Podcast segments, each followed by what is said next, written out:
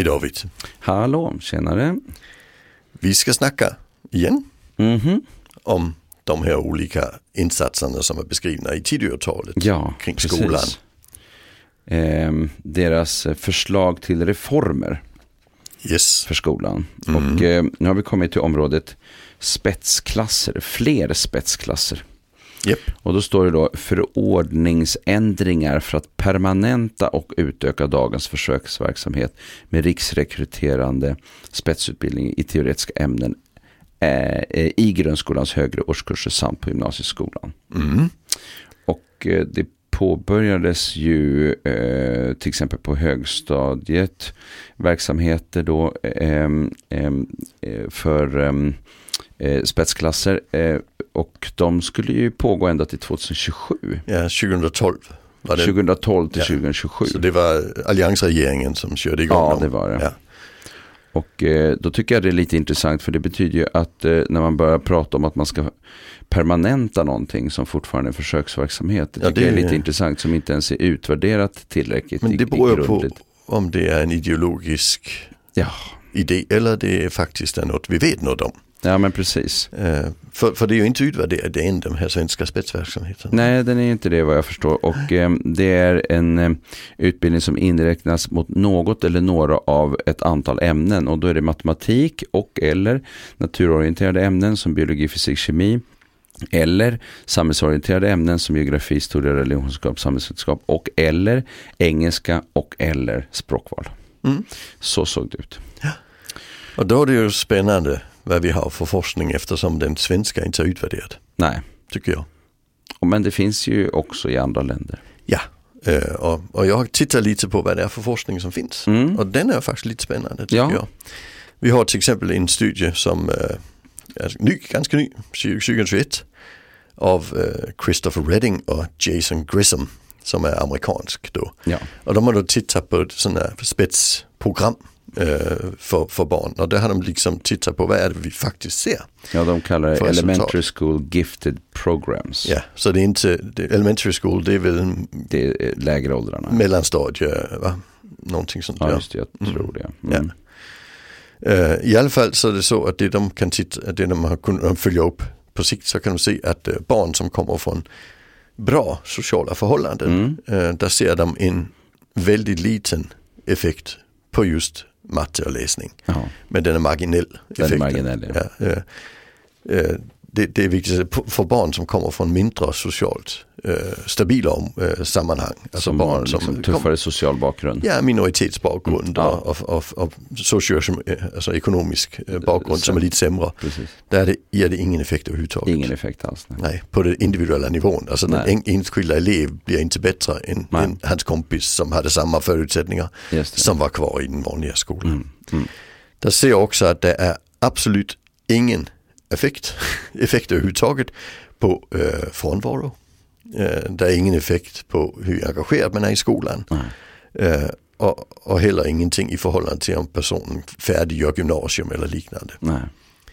Så det är ju ganska intressant att eh, det är ju inte så att man står där och applåderar och tycker wow, wow, vilket resultat, det här måste vi ha. Nej, alltså, och- och det spännande här det är att vi, hela den här diskussionen kring särbegåvning kommer in i detta. Ja. Mm. Där man säger att ja, men eleverna är om- omotiverade på grund av att de inte utmanas tillräckligt i skolan. Nej. Och det verkar det ju inte vara.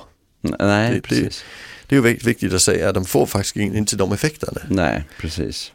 Och så, sen har vi en annan studie här också. Den är ju också spännande. Eh, det, det man har tittat på här det är ju att det, det är någon som heter Wright. Också Mm. studie 21. Där har man tittat lite igen på, eh, det är i Schweiz. Där tittar man lite på hur funkar det eh, när, när barn kommer i spetsklasser och hur funkar det när de inte gör det. Just det. Och där har man spännande resultat. Och där ser man att det som händer det är att de eleverna som inte kommer i spetsklasser, de utvecklar sig sämre. När de som kommer i spetsklasser kommer i spetsklasser. Ja, Så de som Precis. kommer i spetsklasser där är det ingen större skillnad. Nej. Och de, men, men däremot så är det negativt Så för är för kunskapsutvecklingen för, som- de andra. som blir av med den där eh, bra i klassen. Ja precis, Mm. för det, är liksom, alltså undervisningen, det är det du snackar om, att där lägger vi genomsnittsnivån faller lite. Just det. Och det innebär att, att, att vi får ganska lite sämre undervisning. Mhm. Sen hittade de ju en positiv sak Mm. eh, och det var att de här som hade gått i de här spetsklasserna, Ja. de hade större chans att, eller det var en större tendens till att när man pluggade så pluggade man två utbildningar sidolöpande. Ja, just det, precis. Ja, så man alltså fick, alltså Så man fick två examen. två examen fast på samma tid. Liksom. Just det. Och det var också en, en, eh, en signifikant större chans för att göra en PhD.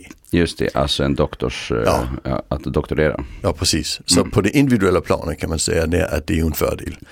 Eh, På det, vad ska vi säga, samhällsmässiga plan så det vet vi inte, vi har inte så stor fördel av att folk gör en PhD.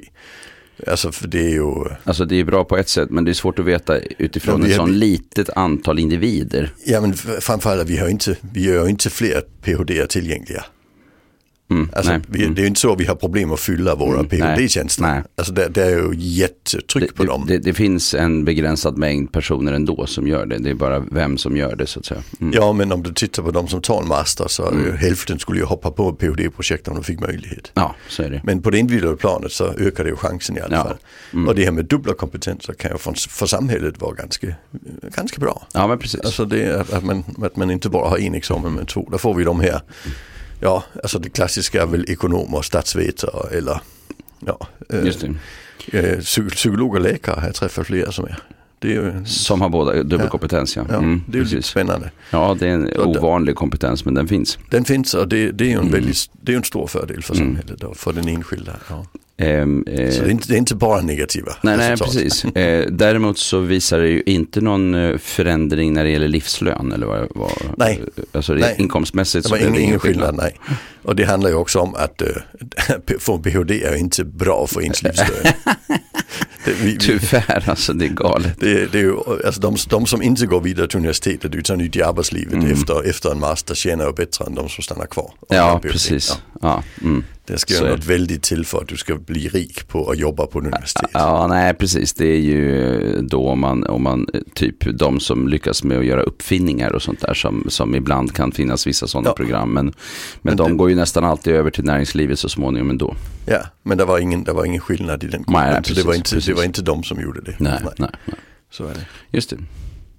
Så det verkar inte vara en jättebra idé. Det verkar ju inte vara en jättebra idé och ändå så är det så att man driver den frågan. Och, och det är spännande att eh, den kommer upp en andra gång eh, och, eh, och att man använder sig av den, liksom samma grundstoff som en gång diskuterades när, när förra då borgerliga regeringen eh, kom till makten för, Mm. vad blir det nu, Sek- 8 plus 8, 16 år sedan. Ja, precis. För det var ju då det infördes. Eh, Ja, så småningom. så det var ju i, Mm. i slutet av... Men man ja, eh, mitt tog beslut ganska snabbt. Ja. Ja, precis. Så, så, så jag tänker det, alltså, det är besvärligt när vi får en, en, en ideologisk styrd eh, diskussion Ja. som bortser från kunskap. ja, som inte tar med eh, själva kunskapen. Eh, Ja, eh, som inte tar hänsyn till forskningsresultat. Ja.